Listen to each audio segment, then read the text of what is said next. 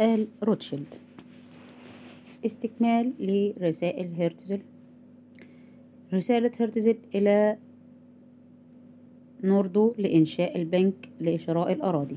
الحادي عشر من ديسمبر عام 1897 توصلنا إلى نقطة حازمة في عملنا مع البنك. سأتكلم باختصار. لقد كان في زيارتي اليومين أغنى رجل في بولونيا الروسية بوزانسكي من لودز. هذا الرجل متحمس جدا للقضية إنه يعتقد أن البنك اليهودي يجب أن يكون فيه أكثر من مليونين خمس أو عشرة ملايين جنيه كرأس مال مساهم ويجب أن يشترك في النقابة التي ستكون مهمتها أن تؤمن الاشتراك. متى اشترك هذا الرجل؟ فإن بقية أصحاب الملايين الروس سينضمون. هذا يؤمن لمشروع البنك قفزة كبيرة للنجاح. لن أطيل عليك في وصف الخطوات التي سأتبعها لهذه الغاية في أوروبا الشرقية. في لندن. بدأ جاستر الإعداد للعمل مع سلجمان المتمول. يجب أن تستعرض النقابة أسماء من جميع البلدان التي لها تأثير في العالم المتمول. وهنا تبرز إلى الوجود قضية روتشيلد إن بوزانسكي الذي هو مستعد أن يسير في الأمر بدون آل روتشيلد وحتى معارضا لهم يريدون أولا أن نتوصل إلى علاقة صداقة معهم أو على الأقل أن تكون لهم تجاه البنك المشاعر حيادية لا تخلو من العطف. وهذا عمل صعب جدا ولكني لا أراه مستحيلا إذا قامت به زعامة قديرة. وطبعا يجب ألا يكون الاتصال بآل روتشيلد مباشرة أو بالكتابة. إنهم في أثناء الحملة سيستخدمون ضدنا كل محاولة تقدم أو رفض وسيكون ذلك بالطبع بطريقة المتمولين المتخفين الذين يسمون أنفسهم برجال الصحف الذين يطعنون من الخلف. منذ بضعة أسابيع كتبت مقالين في الديلي كرونيكل أشرح فيهما إمكان قيام يهود الطبقة الوسطى بمقاطعة مالية ضد أقطاب الأموال في المستقبل. يجب أن يعرف آل روتشيلد الآن أن البنك اليهودي الذي نفكر فيه قد يساعد على مثل هذه المقاطعة ويستفيد منها في الوقت نفسه. إذا علم آل روتشيلد أن البنك سيتأسس مهما كلف الأمر فإنهم لن يظلوا ينظرون الأمر ببرود أرستقراطي. إن توسيع رأس المال الذي يخططون له الآن سيجعل من البنك اليهودي عاملا له أهميته في العالم المالي. وكل ما في الأمر هو أن يكون لهؤلاء الناس مخيلة تمكنهم من رؤية ما سيكون خلال ثلاثة أو أربع أشهر من الآن. أو أي شيء آخر تسمح لهم مخيلتهم النائمة على أكياس المال أن يروه في هذا يستطيع صادوق خان أن يساعدنا كثيرا.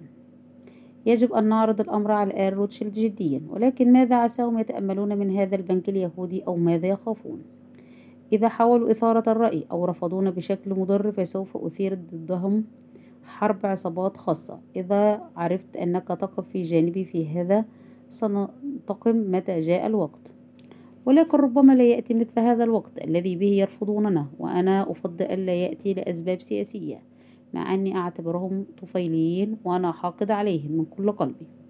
إذا إذا إذا لم يعارض الروتشيلد فكرة البنك ولم يرفضوه علنا فإنهم سيستفيدون منه في من ناحيتين. واحد يستفيدون منه كيهود لأنه سيعمل على حل المسألة اليهودية. اثنان وسيستفيدون منه كرجال أعمال بطرق متعددة. على عكس ما يراه بوزانسكي أنا أعتقد أنه من الأفضل ألا يأخذ آل روتشيلد دورا علنيا في هذا البنك لئلا يقول الناس إن المتمولين اليهود متكتلون فيه وبهذا يكسب البنك عداوات عليه. أن يبدأ بمحاربتها منذ البدء. وإن كان مثل هذا التكتل بطبيعته قوة إنه بدون آل روتشيلد يبدو وكأنه ضده. وهذا يكسب شعبية وعطفا على أن آل روتشيلد يستطيعون أن يحموا أنفسهم إذا كان لهم ممثلون في البنك يؤثرون عليه بواسطتهم تأثيرا غير ظاهر. هذه فكرة فكرت بها منذ وقت طويل وهي أن آل روتشيلد لابد أن يحتاجوا إلى بنك كهذا إذا اضطروا أن يصفوا أموالهم خوفا من الكره المنصب عليهم أو إذا ما أرادوا أن يحموا ثروتهم التي يبدو أنها أقوى من أن يحل بها أي كارثة. ماذا سيكون؟ ماذا سيكون؟ وقع هذه الفكرة في عقول هؤلاء الناس ولا أي حد سيستطيعون أن يقبلوها هذا ما لا أستطيع أن أعرفه. على كل حال أنا أظن أنني وضحت لك الحالة الراهنة وبعد هذا يبقى أن يكون لك دور في العمل ولن أسألك عن هذا الأمر الآن لأني أعتقد بأنه سيكون التكملة المنطقية لما قد بدأت بعمله حتى الآن. يحسن بك أن تتصل بصدوق خان في أقرب وقت ممكن وبالطريقة التي تظنها الأفضل. على أن يقول ذلك شفهيا فقط. ولك أن تستعمل حكمتك في تقديم الأمر له.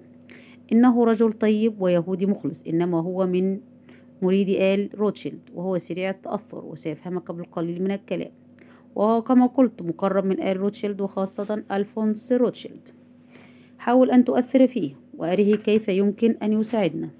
أفهم أننا لسنا نطلب أي تضحية مادية من هؤلاء المتاجرين بأموال المساكين. إنما هو مطلوب منا الآن بعد أن نكون قد حزنا على الرأي العام من أجل فكرتنا المجنونة.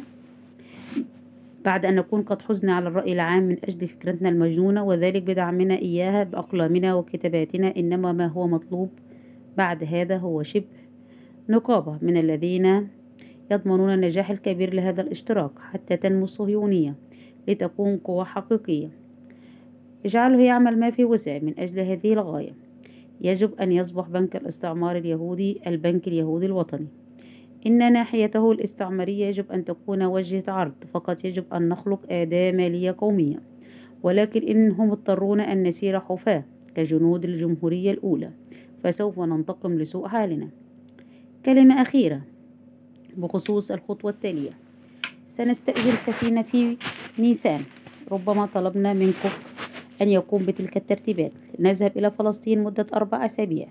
لا أريد أن أذيع هذا بعد. إنني الآن أقوم بتقديرات وحسابات لأعرف تكاليف كل مسافر.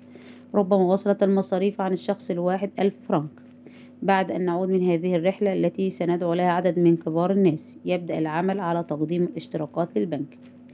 يمكنك أن تخبر صدوق عن هذا ولكن لا تخبر أحد غيره لأنه يجب أن أقوم بترتيبات أولا في القسطنطينية. تيودور هرتزل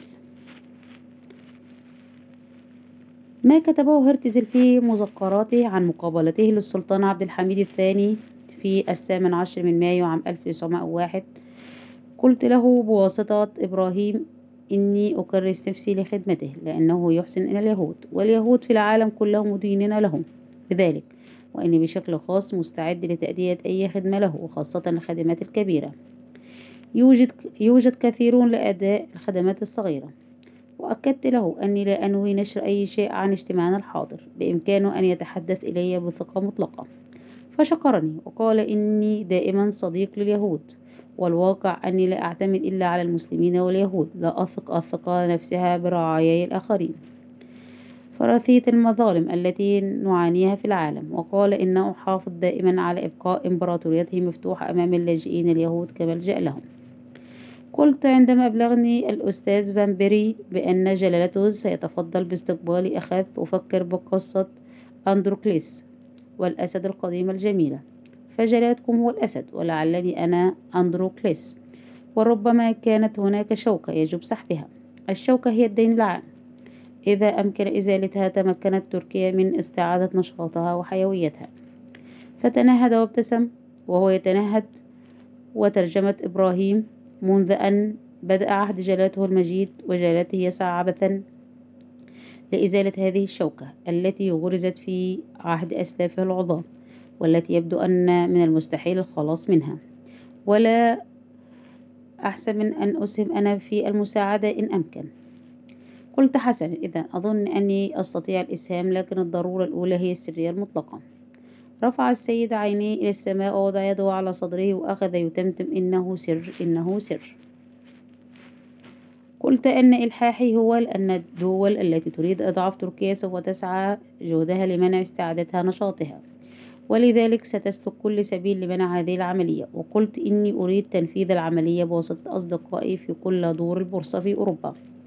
شرط موافقة جلالته. غير أنه لما يحين الوقت يجب أن تأخذ الموافقة شكلا خاصا في مصادقة اليهود ويجب إعلانها في شكل مناسب. ترجم إبراهيم كلمات سيده بوجه حبور لجالته جوهري يهودي. قد يكون له شيئا مناسبا لليهود ويأمره بأن ينشروه في الصحف ولجلاته أيضا حاخام أكبر لليهود. حاخام باشي. قد يقول له أيضا شيئا مماثلا. فاعترضت على ذلك. تذكرت أن الدكتور ماركس أخبرني مرة أن حاخام باشي بصق مرة لدى ذكر اسمي. فقلت كلا لن يخدم ذلك مقاصدنا لن تذاع على العالم بشكل يخدمنا. سأسمح لنفسي فيما بعد بأن أشير على جالته اللحظة التي نستطيع فيها الإفادة منها. أريد أن أعبئ مشاعر اليهود الإيجابية للعمل في سبيل الإمبراطورية التركية لذلك يجب أن يكون للإعلان صفة الأمر. أما الكلام مع خان باشي فيبقى في تركيا لوحدها فقط. كل ما تحتاجه هذه البلاد الجميلة هو المهارة الصناعية لشعبنا. يغتني الأوروبيون الذين يأتون عادة إلى هنا بسرعة ثم يخرجون بسرعة بغنائهم للوسيط حق الربح الأمين بالطبع لكن عليه أن يبقى بعد ذلك في البلاد حيث جمع ثروته.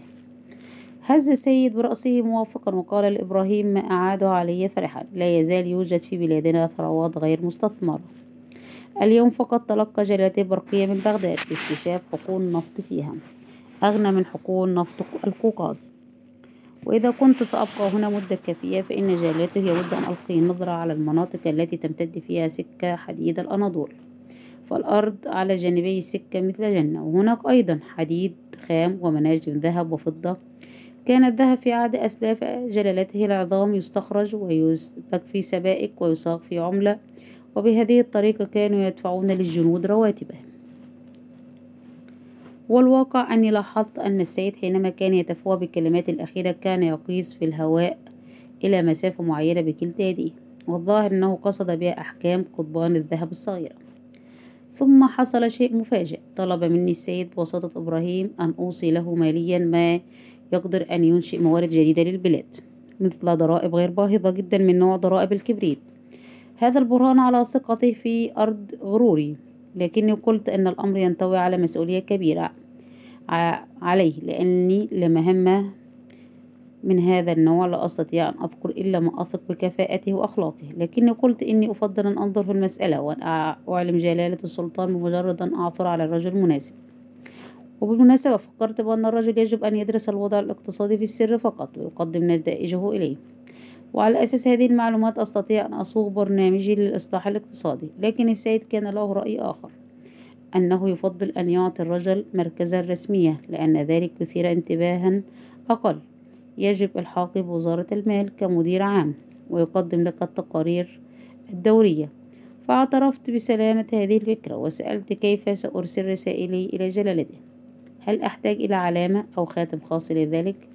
قال جلالته بواسطة إبراهيم إن خاتمي يكفي أن الرسائل التي تحمل خاتمي سوف تسلم رأسا إلى جلالته بواسطة تحسين بك ثم انتقل السيد إلى مشروع تصفية الدين العام المعلق وقد شرح لي المشروع تألفت التصفية من عقد دين جديد بدل القديم مما يوفر مليونا ونصف المليون جنيه لمواجهة عجز السنة الماضية ماذا؟